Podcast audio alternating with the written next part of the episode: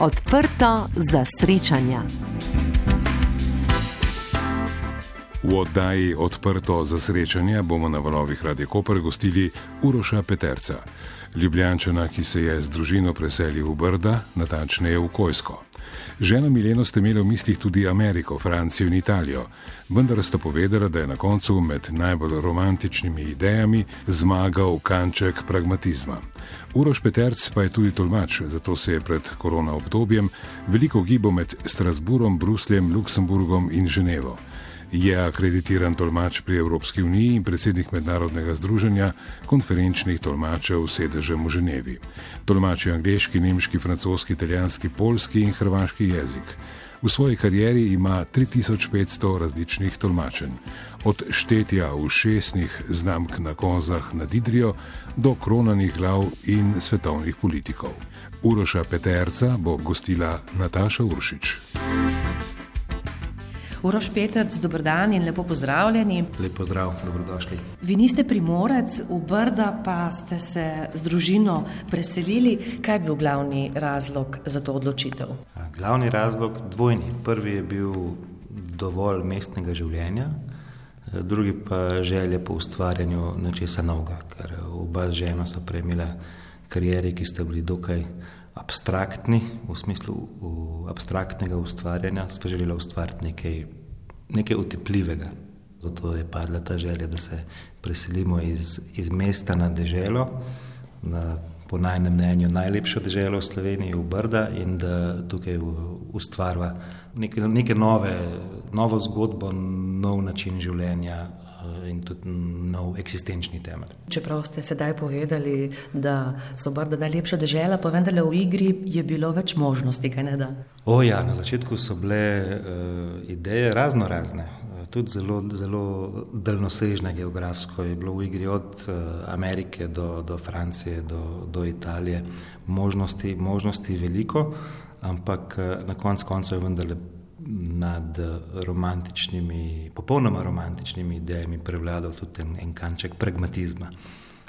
No, vi ste tukaj v Kojskem prenovili hišo, staro, jo dogradili, imate sedem apartmajev. Eh, vse to pa ste zgradili, obnovili tik pred uh, tem korona obdobjem, torej turistično pa vsem uh, sploh še ni zaživela, ne, ta vaša hiša. Ja, drži, drži. Mi smo se kot prvo lotili projekta, ki je bil trojen, se pravi, smo uh, eno hišo obnovili, eno popolnoma rekonstruirali, se pravi, podrli in zgradili nadomestno in potem ob vsem tem zraven še dozidali kos objekta. Tako da smo se, smo se v, v enem samem projektu lotili vseh treh disciplin: eh, prenove, rekonstrukcije in dozidave. Mi imamo sedem, sedem sob, eh, niti ne apartmajev, ker smo se odločili, da je prava pot za turista, ki se pride odpočiti, to, da se mu ponudi vse komfort.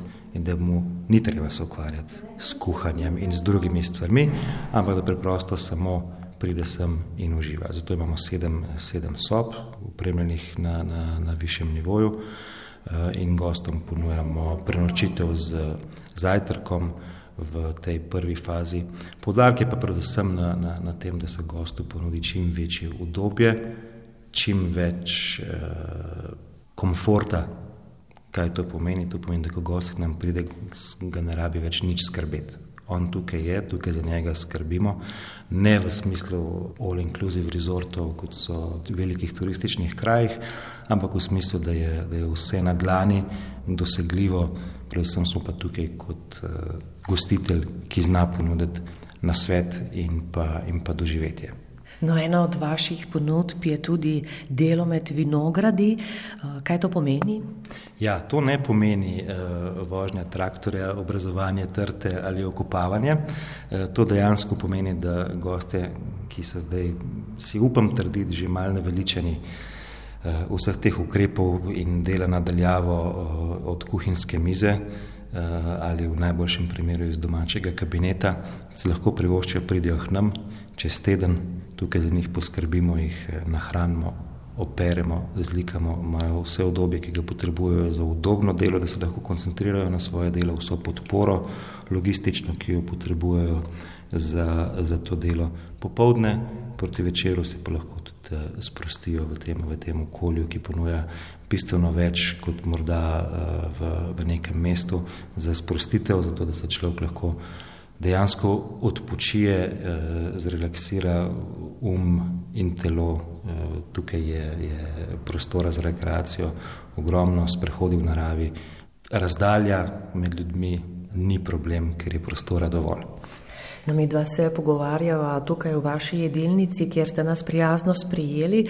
Bi mogoče lahko opisali vi, kaj nudi ta čudoviti razgled iz oken vaše jedilnice? O, ja, ta razgled je bil, je bil dejansko razlog, zakaj smo se sploh odločili za, za ta objekt v prvi vrsti. Tukaj iz, iz naše terase je razgled na Koščanski grad, ki je bil nekdaj najbolj veličasten grad v, v Brdih, tako da se opisujejo zgodovinski viri v lasti rodbine Koronini. E, potem je tukaj Sveti križ, nekdani tabor, zdaj je crkva z najstarejšim lesenim krilnim oltarjem v, v Sloveniji, ki je pred kratkim praznoval 500. obletnico. In potem se pa razgledi raztezajo preko celotnih brd, Vila Vipo že se vidi od nas na italijanski strani, se vidi Krminska gora in pogled seže vse do morja, do, do Gradeža na levi strani in Linjana. In na, na trenutke, kadar je resnično lep dan in ko nas burja obdari s kakšnimi petimi dnevi močnega pihanja, se vidi še, še dlje. Smeli smo pa srečo, ker eh, so se lastniki odločili, da prodajo celo posest skupaj. Ne zgolj vinograd, ki bi ga eh, seveda lahko takoj prodali in ne zgolj hiše, ampak vse v paketu in to je bilo dejansko tudi točno to, kar sem midva iskala, kar nam, eh, kar nam je bilo zelo všeč. Gre za vinograd Rebule, kaj drugega, tukaj v Goriških brdih, imamo 2600 trsov. Ta vinograd je bil na zadnje obnovljen pred približno 25 leti, sem pa najdel na starih katastrskih kartah še iz časov Avstro-Ogrske, eh, Jožefinski in potem eh, eh, franciscejski kataster za Primorsko, da je na ta isti parceli že vsaj 200 let na istem mestu stoji vinograd. No, um, to sem vprašala tudi zato, ker ena od vaših ponudb je tudi posvojitev vinske trte. Mm. Kaj to pomeni? Ja, to je pa mm, en plot razmišljanja, ki smo ga imeli z ženo, kako približati to zgodbo gostu, ki, ki ni rasel gor z vinogradi, s trtami, z delom v Brajdi, z nono, nonotom starši, ki, ki, ki so vajeni te realnosti vsako, vsakodnevno. In uh, sva uspela na nek način razviti produkt, ki mu pravi po svoji trto, ki pomeni kaj? Pomeni, da lahko uh, si gost izbere svojo trto v narekovajih, eno ali dve ali več, ki jo spremlja celo leto. Mi mu pošiljamo redno v nekih mesečnih intervalih uh, nekakšno fotoreportažo, kaj se dogaja z njegovo posvojenko trto, se pravi od eh, obrazovanja pozno jeseni po zimi do brstenja, ko se začne potem eh, listje, ki začne poganjati nastavki samega, samega grozdja, potem razvoj tega eh, zorenje grozdja, vse do, do trgatve, da vidi celoten proces, kaj vse trte doživi v enem letu, kako dolgo počiva, kako hitro potem nekaj od sebe da. In da potem to še ni konec, ne? takrat se potem šele dejansko začne tisto pravo delo v, v kleti za vinarja, ko, ko mora pa iz tega nekaj ustvariti, ker se začne potem še ena drugačna magija, poleg tiste, ki jo narava sama ustvari, ustvari v vinogradu. In je, je odziv je, je res zelo dober. V, v, v prvem tednu, odkar smo objavili uh, to ponudbo, je že takoj prišlo osem, osem interesentov, nekaj tudi iz daljnih krajev, eden celo iz, iz Manile v Filipinih, dva iz Luksemburga, tako da je zadeva res zanimiva, zanimivo štartala. Ta vikend, ko, ko se je bilo možno zopet mal po, po Sloveniji popeljati brez večjih omejitev, je nekaj teh posvojiteljev naredilo to pot do nas tukaj v Goriških brdih, v Kojsko. So si lahko v vinogradu izbrali tisto svojo trto vsak in to trto potem upremo z posebno tablico z imenom posvojitelja, da je potem točno označena, lahko se tudi točno označi lokacijo na GPS-u, da lahko točno, točno ve, kje se ta trta nahaja. In jo kadarkoli tudi obišče, seveda. Za posvojitelja pa je najbrž najlepši del takrat, ko proba vino iz te njegove posvojene trte. Ja, Na to bo treba še malce počakati, do jeseni, uh, ampak eh, čas, čas teče zelo, zelo hitro. Tako da mislim, da, mislim, da bo vsakdo, vsakdo, ki se je odločil za to, z veseljem to tudi počakal in spremljal svojo trto, kako se razvija skozi leto. Uh, potem pa začne, začne z delom v kleti naš uh, vinar, Matjaš Četrtič, s katerim imamo, imamo skupaj ta projekt, uh, vinarstvo Ferdinand, tukaj v, v Kojskem oziroma zdaj v Novi kleti v Gonjačah, kjer je možno tudi si potem seveda ogledati, kako sam proces nastajanja te rebule iz našega vinograda dejansko tudi izgleda. No, Roš Petrc, nekaj ste sicer že povedali v vodu, pa vendarle me zanima, tako ko vas sedaj poslušam, vi prihajate iz Ljubljane. Dejali ste, da je bilo v igri več opcij, kje se boste z ženo oziroma z vašo družino uh, ustalili. Kako ste se sedaj tukaj ustalili, kako so vas sprejeli brici? Oh, odlično, odlično. Uh, nekako so nas na začetku vsi upozarjali, da bo to bo zelo težko, sploh ker bova ker bo tujca na podeželju, ne, forešta po primorsko, ampak eh, moram priznati, da ni nikakršnih, kakršnih koli slabih, slabih izkušenj. Z vsemi, kar smo jih uspeli do zdaj spoznati, se razumemo odlično, vedno so nam pripravljeni pomagati, kadar, kadar kaj potrebujemo, česa ne znamo, ne poznamo, je vedno pripravljenost preskočiti na pomoč eh, z nasvetom, z, z, z roko, s čimerkoli.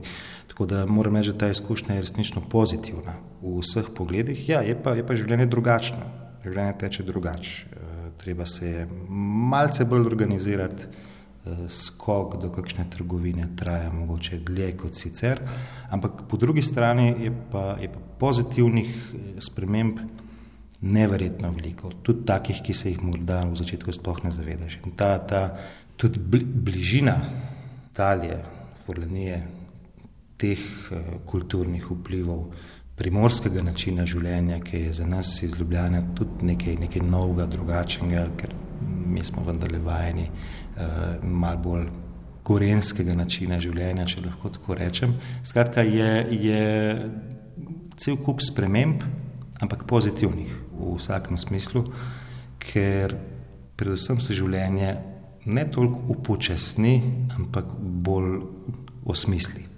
Ni enega brezglavega divjanja uh, vsak dan, ko se vprašaš, zakaj je zdaj šlo do nas šest ur v avtu, da smo se premikali iz enega konca mesta do, do drugega, če bi lahko ta čas porabil za bistveno bolj vsebinsko bogate zadeve. In to je to, kar ti omogoča življenje v, v teh krajih in, in nad tem sva res navdušena. Kaj pričakujete sedaj po uh, koncu tega obdobja korone, ko pravzaprav v tem trenutku še niti ne vemo, kdaj bo konec, kako bo izgledal ta konec, pa vendarle glede na to, da sta ženo uh, odprla ta ja. turistični objekt, kaj torej pričakujete po koncu tega obdobja? Mi smo se že eh, parkrat veselili, večkrat smo bili že pripravljeni v nizkem štartu, ampak potem se je zgodil ampak. Eh, Tako da zdaj smo postala že zelo previdna optimista, še vedno optimista. Tako da prva stvar, ki jo pričakujemo, je, ja, da se to obdobje umiri, če že ne konča in, in, in malce sprosti.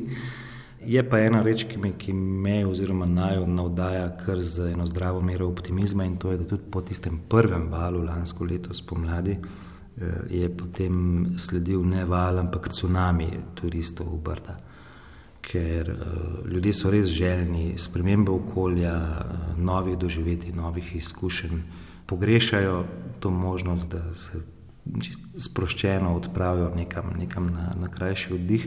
Tako da jaz sem, moram reči, da kar prepričan, da v eni točki, ko se bo, ko se bo nehalo to strogo omejevanje uh, in ko se bo sprostilo turistično dejavnost, da bo res prišlo do ponovno enega, enega velikega vala želje po doživljanju drugačnega okolja. kar je konec koncev bistvo. No, saj prednost Briške pokrajine je prav v tem, ne, da nudi možnost eh, tega butičnega turizma, ne, ne pač teh masovnih eh, prireditev, obiskovanj, dogodkov. Ne.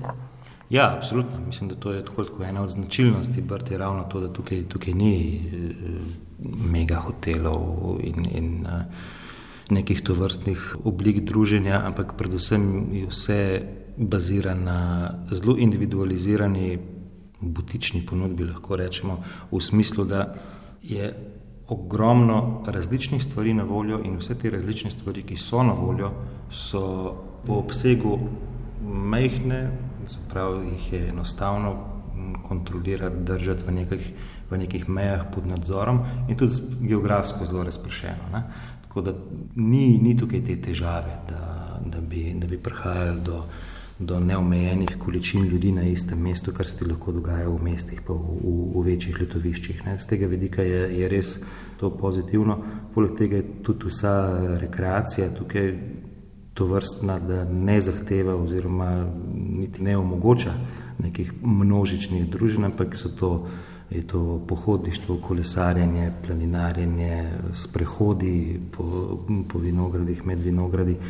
In vse to je na, na, na, na prostem, na zraku, dovolj varno. varno, ljudje imajo dovolj razdalje en med drugim, kar je zdaj zelo velik podarek na tem. E, in to, in to se tukaj omogoča. Tako da mislim, da z tega vidika nas čaka, mislim, da je eno pozitivno obdobje po tem dolgem času pričakovanja ponovnega odprtja. Oziroma za nas prvega odprtja. Tem, kakšnih gostov pa se nadejate, glede na uh, vajno vašo ponudbo? Radovednih, prijaznih.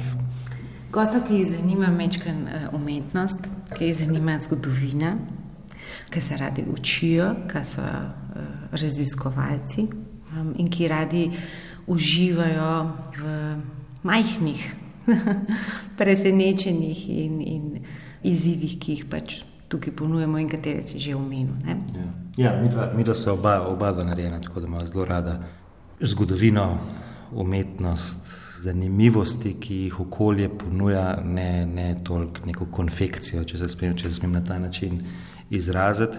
In mislim, da ko oblikuješ ponudbo v tej smeri, avtomatično tudi privabljaš tazga gosta, ki ga, ki ga zanimajo iste stvari.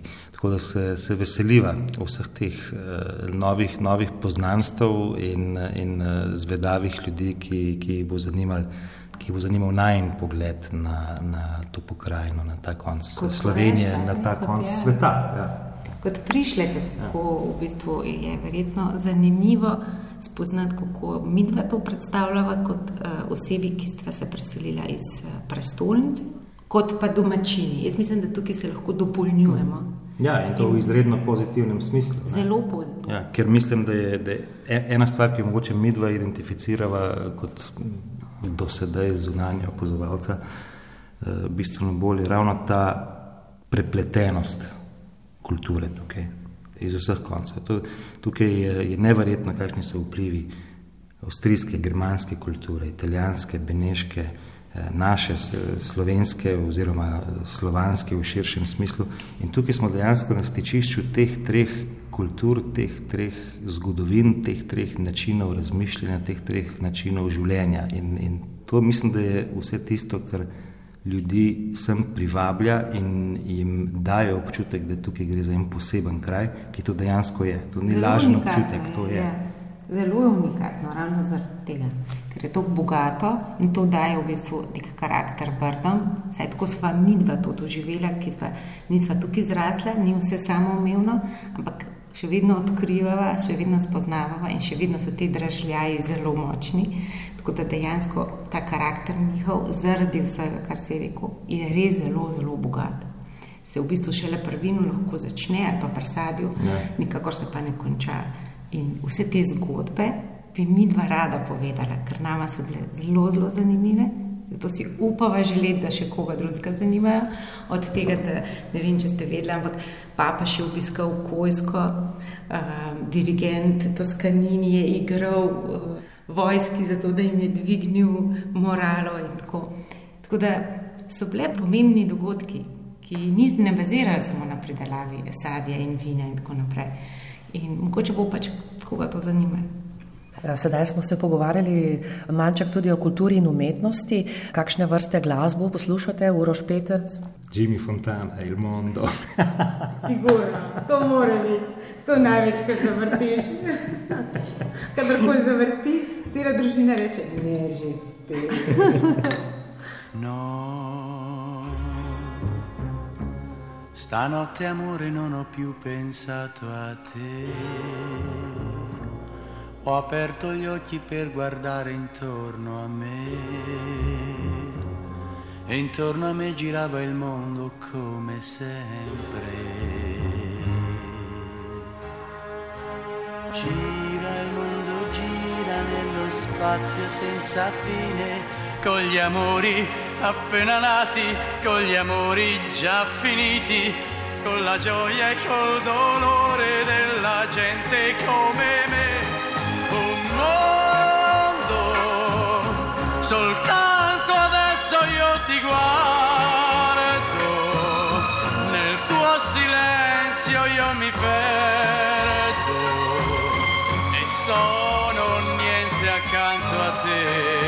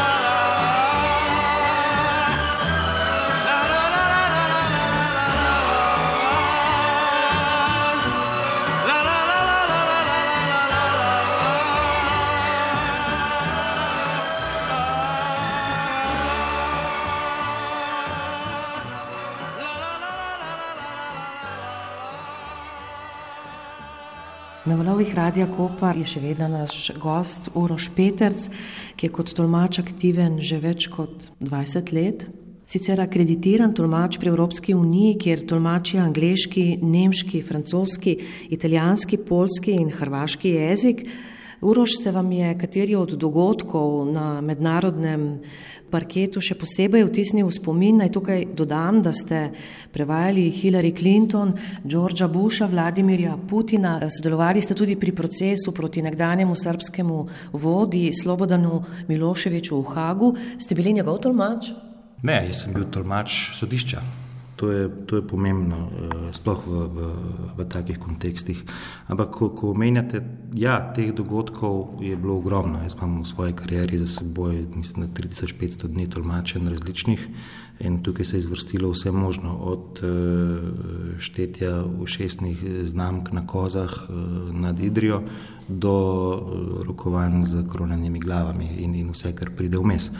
Ja, je veliko, veliko dogodkov, ki so vredni spominjanja se, ampak uh, ključni postulat vsakega tolmača je zaupnost in diskretnost. Tako da mi o, o vsebini našega dela nikoli ne govorimo. Zato so tudi spomini tolmačev zelo, zelo, zelo redka stvar.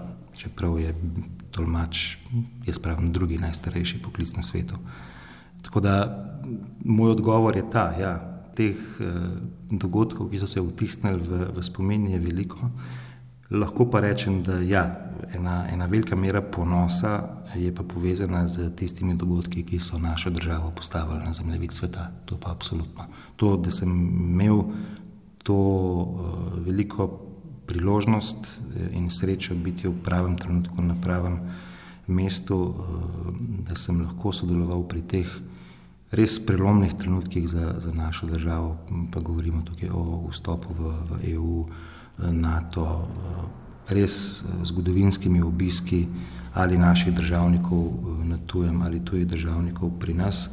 To so stvari, ki, ki se ti vtisnejo v spomin zavedno in ki ti tudi pustijo en pomemben pečat v smislu življenjske lekcije in znati razlikovati med tistim, kar je res pomembno in tistim, kar je absolutno nepomembno.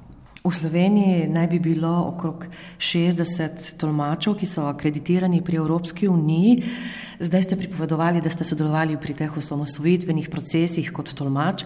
Kako pa to zgleda, recimo, ne vem, protokol, vzame v roko seznam in potem pokliče enega od tistih tolmačev ali moraš uh, imeti neke reference, neko prakso, neko, uh, ne vem, kaj je pomembno recimo pri odločitvi. Ja, samo en manjši popravek pri osamosvojitvenih procesih še ne. Takrat sem bil še bistveno premlad, takrat sem bil star 15-16. Eh, kasneje eh, sem jaz sodeloval pri teh zadevah, ampak eh, glede tega vašega drugega vprašanja, ja, mislim, to, to je kot pri vsaki taki stvari. Mešanica logističnih potreb, zahtev, želja in zmožnosti. Se pravi, ja, v, v osnovi moraš biti dober tolmač in prepoznan kot tak. Eh, potem pa je tukaj vedno pride do neke mere do, do, do preference, s kom, se, s kom se dobro ujameš, ker je res zelo, zelo, zelo pomembno pri takih zadevah, da se, da se mi temu rečemo principal in, in tolmač ujameta. Ujameta v smislu komunikacije, tudi neke neverbalne, ki, ki je izredno pomembna, zato da ti vidiš, da je tvoj trenutek, da ti nastopiš, da ti vidiš, da je tvoj trenutek, kjer je zaželjeno, da ti neko zadevo prekineš, da ti razumeš, kdaj je, kdaj je tvoj trenutek, da nastopiš bolj odločno, manj odločno, kdaj se umakne tvoje zadje in kdaj ne. Tukaj je zelo pomembno, da imaš ta občutek prirojen ali privzgojen v končni fazi vse eno, ampak da nisi ti ovira, ampak da si ti dejansko uh, pomoč v teh procesih. To, to je bistveno in to, to išče v, vsak, ki tolmača, ki tolmača potrebuje. Najbolj narodne so tiste situacije, kjer tolmač mora biti, v bistvu vsega pa ne potrebuje. Tisto delo je res najmanj hvaležno. Tisto delo je najmanj hvaležno. Najbolj, najbolj hvaležno delo in tisto, kjer človek tudi z največjim veseljem oddela, je pa tisto delo, kjer dejansko vidiš, da te potrebujejo za komunikacijo, eh, da te želijo imeti, zato da lahko dobro komunicirajo. In uh, tam je pa zadovoljstvo eh, z upravljanjem delom res, res na zelo visoki ravni. Uroš Petrc je gost na valovih Radia Koper. Uroš, najbrž sta vaše otroštvo in mladost tlakovali neko naravno pot k vašemu poklicu. Ste tolmač šestih oziroma sedmih jezikov. Bi lahko rekli, da ste se zlahka naučili tujih jezikov? Ja, na, zdaj, pogledano nazaj, mislim, da lahko rečem ja. Ehm, dejstvo je, da je kot otrok vse bistveno bolj možgansko agilen za te zadeve in uh, gre lažje kot, kot kasneje. To tudi zdaj vidim, sam pri sebi. Tisti jeziki, ki sem se jih začel učiti uh, kasneje v življenju, so šli malo teže kot tisti, ki so nekako prišli sami, sami po sebi. Ja. Ampak ja, ne moramo reči, da mi je bilo v zibelko položeno, uh, ker nisem eden tistih, ki bi se rodil v dvojezični družini ali kaj podobnega, ampak nas je, nas je pot ponesla po svetu zaradi očetove službe. Tako da smo preživeli šest let na Polskem, kjer sem obiskal ameriško, potem francosko šolo. Eh, nekako po poti sem pobral še, še polščino kot jezik, potem smo se preselili v Avstrijo, eh, od tam sem šel jaz v Ameriko pri 17 letih, sam za eno leto, potem spet pot prinesla nazaj, nazaj v, v Slovenijo. Tako da ja, ta izpostavljenost tem različnim jezikom in, in predvsem kulturam. Uh, mislim, da je tisto, kar te prisili v to, da se, da se naučiš. In ko si, ko si mlad, 10, 11, 12, najstnik, pač gre to izredno enostavno. Uh, tako da to vsekakor je en tak velik, velik plus in tak velik dar, ki se ga seveda takrat, ko so starši grozni in te prisilijo, da greš v šolo, katere jezik ne razumeš grozni, ampak danes lahko rečeš hvala. Um, je, mislim, da to vse, kar izkušnja, ki jo z današnjega stališča lahko vsakmu priporočam, vem pa, da ni enostavna. Vi pravzaprav lahko obiščete katerikoli košček sveta in se ne boste znašli v jezikovnih težavah. Nikakor, ne, ne. To je, je ena taka naravna razvajenost, ki pride, ki pride s tem, ko, ko znaš dovolj jezikov in se na nek način posod lahko znajdeš. Ampak se mi je zgodilo, ko smo potovali v, v Rusiji, čeprav je to slovanski jezik, ampak kar naenkrat ugotoviš, da se ne znajdeš več sva bila, ki je še. Ja, par takih koncih, kjer na kitajskem. Tudi. Na kitajskem isto, ne, na kitajskem tudi Kitajska, to tudi je. So, so področja, kjer če, če ne znaš, ne znaš in rabiš pomoč. In to je, to je takrat se zaveš, v bistvu, kakšno, kakšen velik dar imaš, če znaš tuje jezike, ko prideš nekam in vidiš, da ne znaš. Takrat mislim, da ti je jasno, koliko je to pomembno in, in koliko koristno in obogatitveno je to. Kako se je torej, eh, nekaj ste povedali, kako je bila vaša pot eh, naravno tlakovana, jezikovno, no, pa vendarle, kako ste se potem znašli v vlogi tolmača? Slučajno, kot vse najboljše stvari v življenju. Jaz sem imel romantično idejo najprej, da bom uh, postal, postal pravnik, potem sem ugotovil, da to ni za ni za moj karakter, ker uh, rabim stvari, ki so bistveno bolj, bistveno bolj dinamične in nimam, nimam te pripravljenosti sedeti za knjigo predolgo časa. Potem me je vleklo v diplomacijo, ampak tudi, tudi tisti se se ni končal uh, v, v diplomaciji, ampak se je končal kot, kot tolmač, kot rečeno, slučajno. Bil sem, uh, bil sem povabljen na, na en tečaj, tolmačenja v Bruslu leta 1997 in tam se je praktično vse začelo. Po tistem, po tistem uh, so se nekako stvari odvile same po sebi in od takrat naprej delam to. Poklicna etika tolmačev ne dovoljuje, da uh, bi pripovedovali javno uh, posamezne vsebine, posamezne dogodke povezane s tolmačenjem, pa vendarle, Uroš Petarc, recimo, kateri dogodek od teh uh, pomembnih dogodkov v vašem poklicnem življenju se vam je recimo posebno vtisnil spomin, um, pa mislim tukaj na tako pozitivne kot negativne pripetljaje. Negativni, negativni seveda tisti, kjer si zamočil. Ne? Normalno. Ta, ta, te, se, te se vedno vtisnejo, v, v, v spomin en res res boleč način. To se ti zgodi, to se vsakmu zgodi, to se zgodi najboljšim tolmačem, to se zgodi najbolj, mislim, vsakomor v tem življenju. Pridejo, pridejo trenutki, ko pride do napake, ne, ne gre. Beseda, ki, ki veš, da, da, veš, da jo poznaš, ne, ne, kar ne pride, ne, ne pride, ne pride iz ust. In povzroča včasih humorne situacije, včasih pa, včasih pa nerodne. No. Kaj, kaj pa storite, ko ne najdete besede? Improviziraš improviziraš, poiščeš drugo, eh, približek. Največ koncentracije takrat gre v to, da ne pokažeš, da si se zmedel. Ker eh, pomembno je, da ima, da ima uporabnik tvoje storitve, če temu tako rečemo, zaupanje v tvoje delo. In ko ti, če ti začneš je sled kazati, da, da ne obvladuješ situacije, je, je to problem. Tako, to je spet se vrnemo k igralstvu. To je tako kot igralec, ki pozabi tekst, ve, v katero smer mora iti in nekako mora izimprovizirati in, in splezati ven iz tega, če temu tako rečemo. Uh, tako da to so, to so, so različne tehnike, okrog, okrog tega.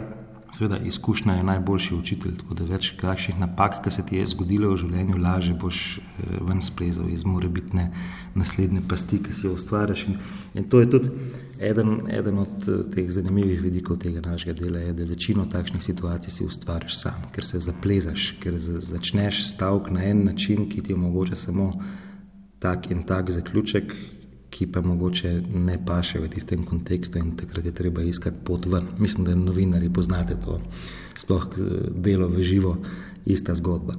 Um, pozitivnih, pozitivnih izkušenj je pa, je pa ogromno. Je lepih, zanimivih uh, situacij je zelo veliko.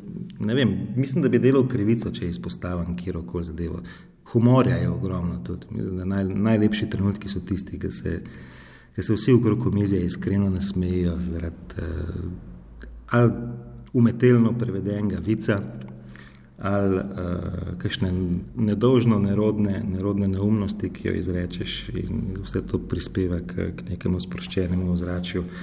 Mislim, da je tega, tega je veliko. No. Ampak moram priznati res, da zadnje, zadnje čase postajam izredno, izredno, izredno previden glede, glede kakršnih koli izjav na to temo, kaj je, kaj je bilo najlepše, najboljše in tako naprej. Ker moram reči, da v teh 20 in več letih izkušenj, ki sem jih nabral z mojim delom, ugotavljam, da je res vsaka zgodba popolnoma svoja in da zelo težko zdaj izpostavim naj dogodek, naj trenutek, naj izkušnjo v vsem tem času, ampak lahko samo vse skupaj postavim v, v, v en paket, ki mu, ki mu rečem skrajno zanimiva in prijetna 20 in večletna izkušnja, ki mi je, ki mi je ogromen podarila. Omenili ste, da, eh, recimo, da je za tolmača dobro, da ima tudi igralske sposobnosti. Kako pa recimo Govorim seveda tukaj o pomembnih dogodkih, eh, katere morate tolmačiti. Kako pa se pripravljate na takšen dogodek, kako začutite eh, človeka, ki ga morate tolmačiti? Ja, to je, to je včasih težko, sploh če pride nekdo, s katerim še nisi imel opravka, nekdo, s kogar bo treba prvič eh, oddelati, v narekovajih. Tukaj, tukaj ja, običajno dobiš kakšen govor vnaprej.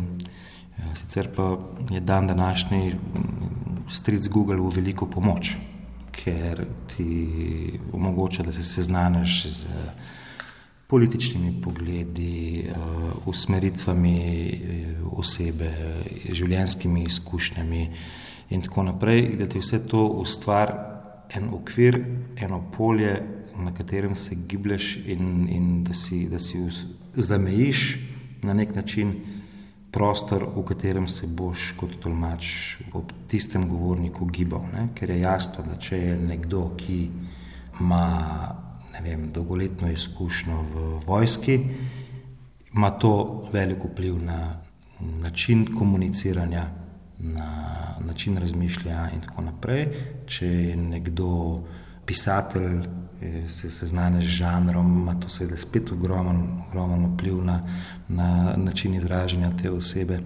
In, in vse te stvari je treba, je treba upoštevati. In ravno ta raznolikost je, je lepota tega poklica, da imaš ti praktično vsak dan opravka z drugačnimi ljudmi, z drugačnimi načini razmišljanja, z drugačnimi načini komuniciranja. Sploh, ko gre pa za neke velike dogodke, kjer je, kjer je ogromno različnih nastopajočih, ki vsi govorijo na, na, na isto temo, je pa, to, je pa to sploh eno veliko bogatstvo. Zakaj? Če ti tam sediš zgolj, da to ni mišljeno negativno, ampak kot eh, opazovalec, kot nekdo, ki to spremlja, ne, se pogosto, kot ti nekaj, kot te nekdo ne zanima, kot te neka tematika ne zanima, ne hoče odklopiš pozornost. Kot tolmač tega luksu zanima, zato ker ti moraš biti 100% skoncentriran na vsebino, ki jo človek sporoča, da jo lahko ti sporočiš naprej v drugem jeziku. In tu, ravno iz tega se mi ogromno naučimo. Zato nekako hecu rečemo, da smo strokovnjaki za vse in nič. Ne.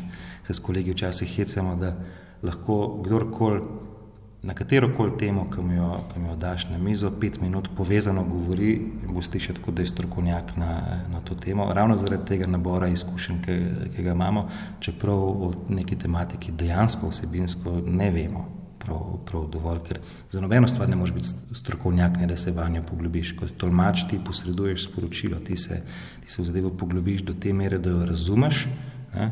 nisi pa tisti, ki jo ustvarja. Tako da, tako da ta, je, ta, ta element je, je, je, se mi zdi tak, tak najbolj, najbolj zanimiv. In če se vrnemo nazaj k, k tistim pripravam, ne?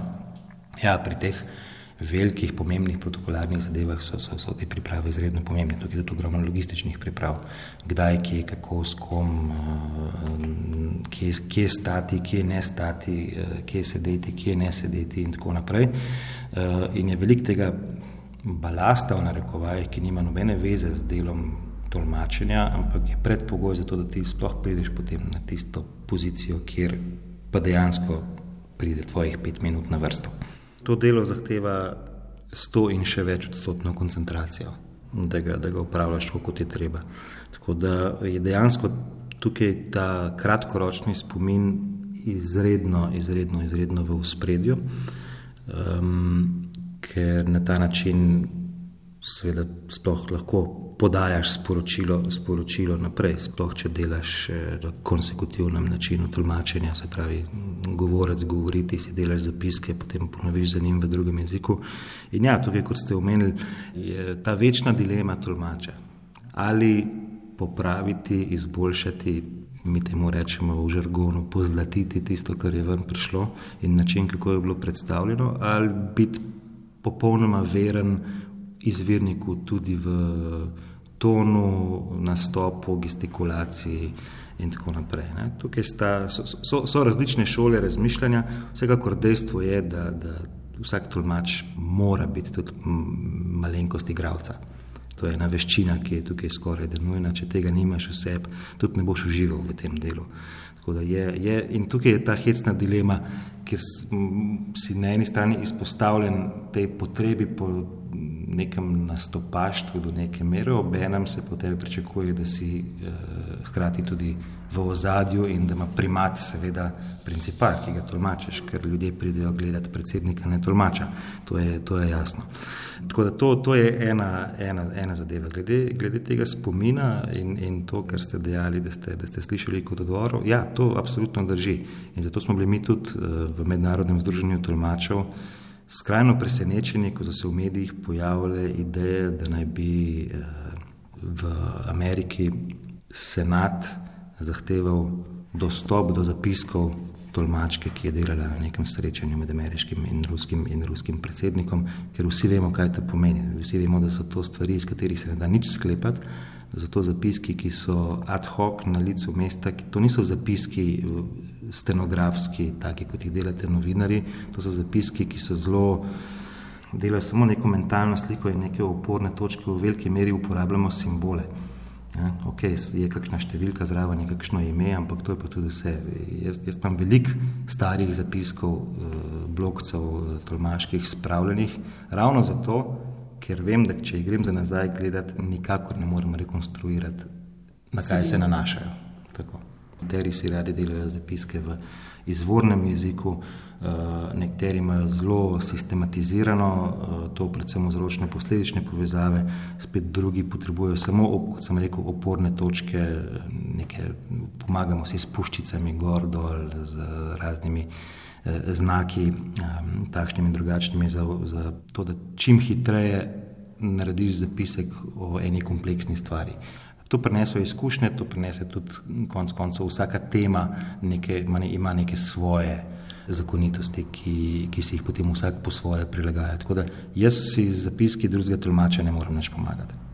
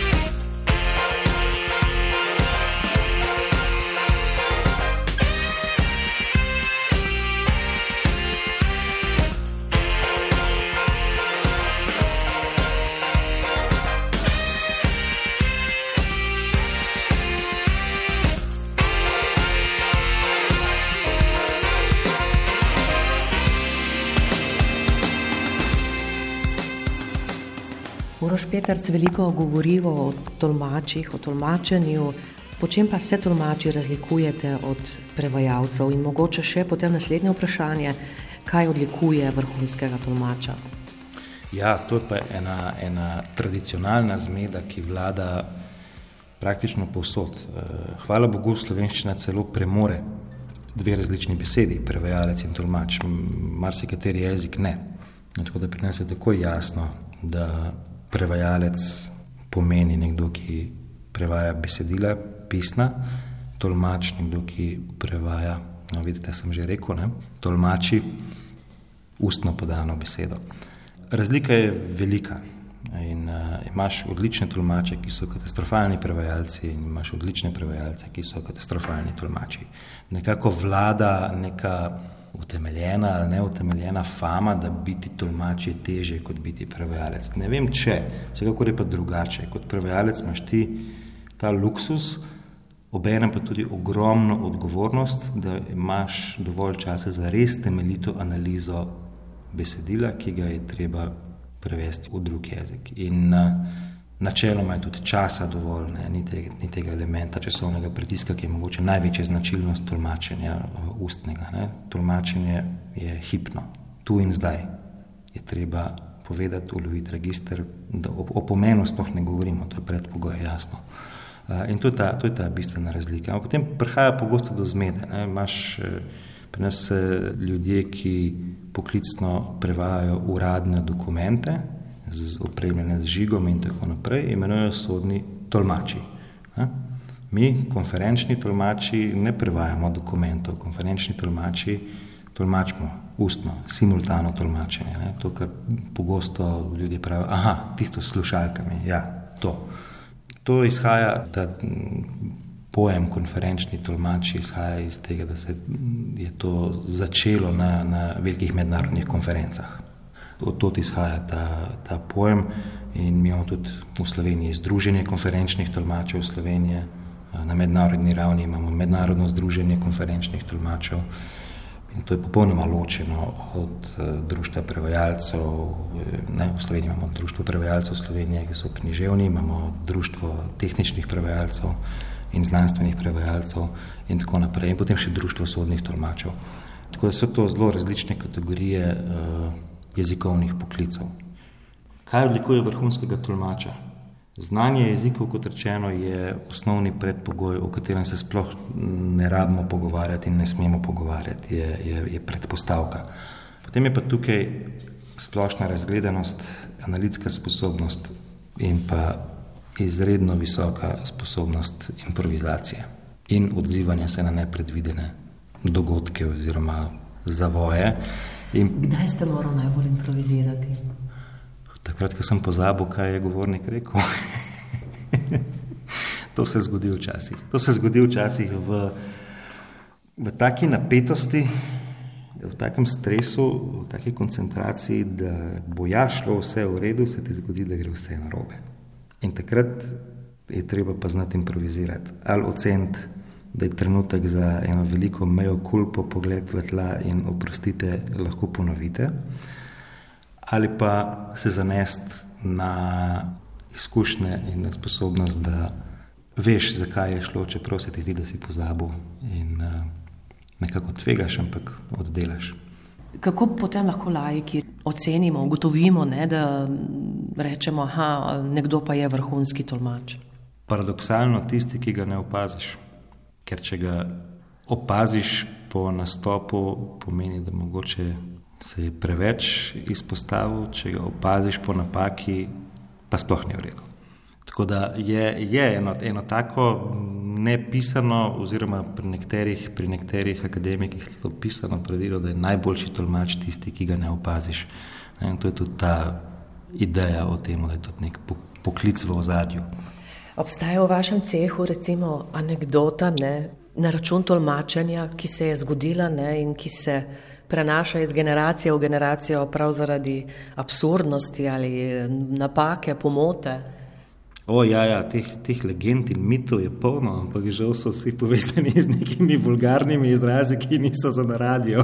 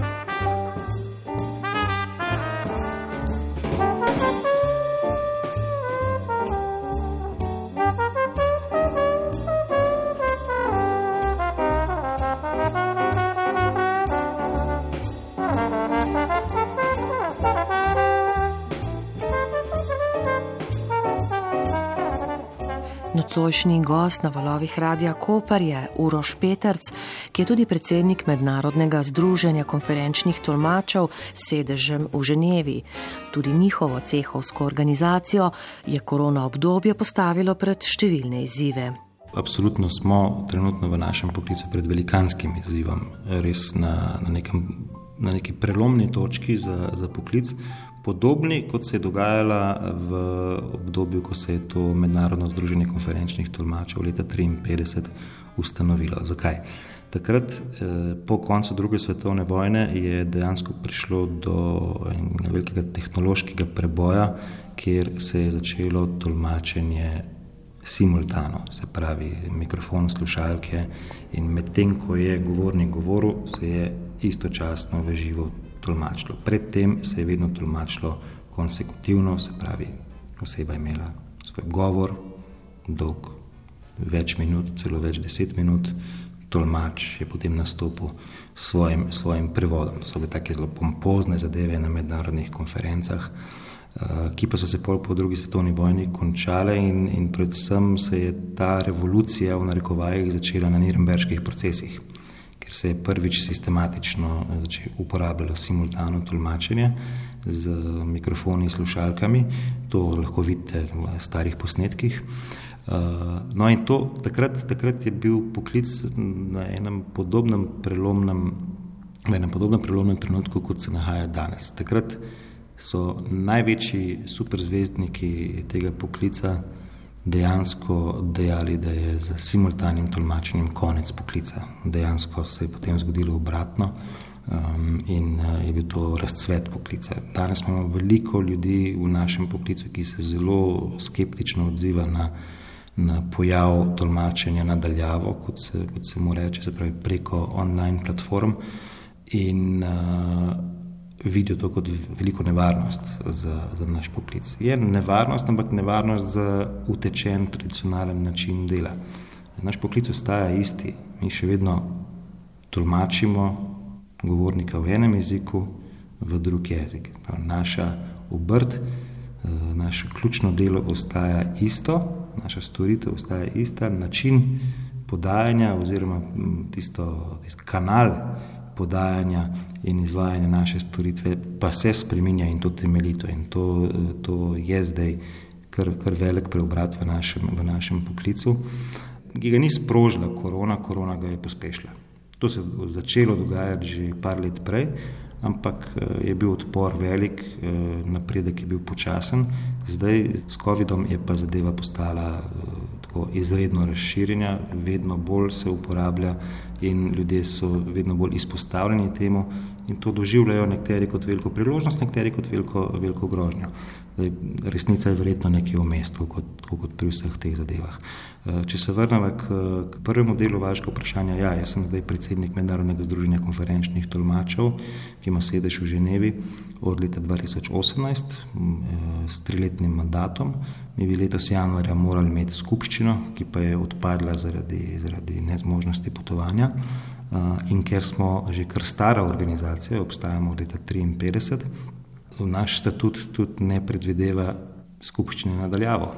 Tako da imamo mi že inherentni problem s temi, s temi novimi tehnologijami, tako da smo podaljšali pač mandat upravnega odbora še za in vseh organov voljenih na skupščini še za eno leto, ko pa se res vsi nadejamo, da bo že možno se, se srečati skupaj, skupaj na istem kraju in opraviti te, opraviti te formalnosti. Zdaj, glede našega poslanstva, naše poslanstvo v prvi vrsti je eh, postavljanje eh, in zagovarjanje standardov v našem delu. Mi se tudi pogajamo z mednarodnimi organizacijami, Evropska unija, OZN, Svetovna carinska organizacija, Mednarodno združenje sindikatov in, in še nekatere, eh, s katerimi imamo neke krovne kolektivne pogodbe za vse tolmače, ki delajo za te institucije v prostem poklicu eh, in se definirajo pogoji dela, pogoji nagrajevanja, čas dela in tako naprej.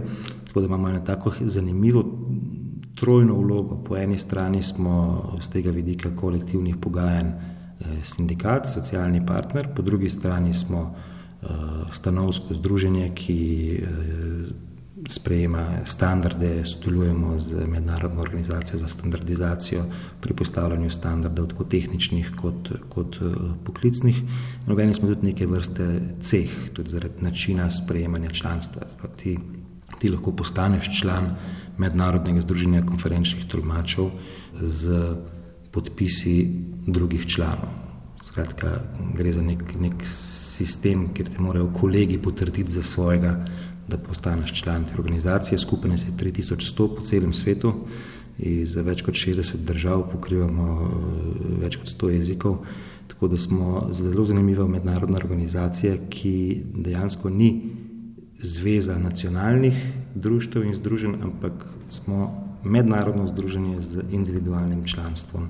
Skratka, vsak posameznik, kjerkoli na svetu je, je enakopraven član našega združenja v globalnem smislu in smo tudi edina, edino svetovno združenje eh, te vrste eh, drugih eh, združenj na svetovni ravni za konferenčne tolmačenje. Uroš Petrc, takole ob koncu pogovora, če bi lahko izbirali recimo med angleščino, nemščino, francoščino, italijanščino, polščino in hrvaškim jezikom, kateri jezik ima za vas lepšo melodijo, v katerem jeziku, če recimo poleg slovenščine sanjate? V angleščini, ker je to prvi tuji jezik, ki sem ga naučil. Matematiko še danes delam v angleščini, ker sem se jo učil v šoli v angleščini. To, to, to so stvari, ki ti ostanejo vedno. In vem, da doskrat tudi milenih, ki jih hočem povedati, zelo pomenljivega, doskrat povem v angleščini, ne v slovenščini. Ja, ne? Milena in Uroš, najlepše se vama zahvaljujem za vajno gostoljubje tukaj. Uh, v Kojskem, kjer smo že na začetku pogovora omenili, no, v vajni novi hiši, v vajnem posestvu s čudovitim razgledom na Brajde, na Furlanijo, celo tja do morja seže tukaj pogled. Torej, še enkrat hvala za vse to, kar ste, kar sta povedala. Hvala vam. V današnji oddaji Odprto za srečanja smo gostili Uroša Petrca, z njim sem se pogovarjala Nataša Uršič, tehnično je oddajo uredil Igor Valentinčič.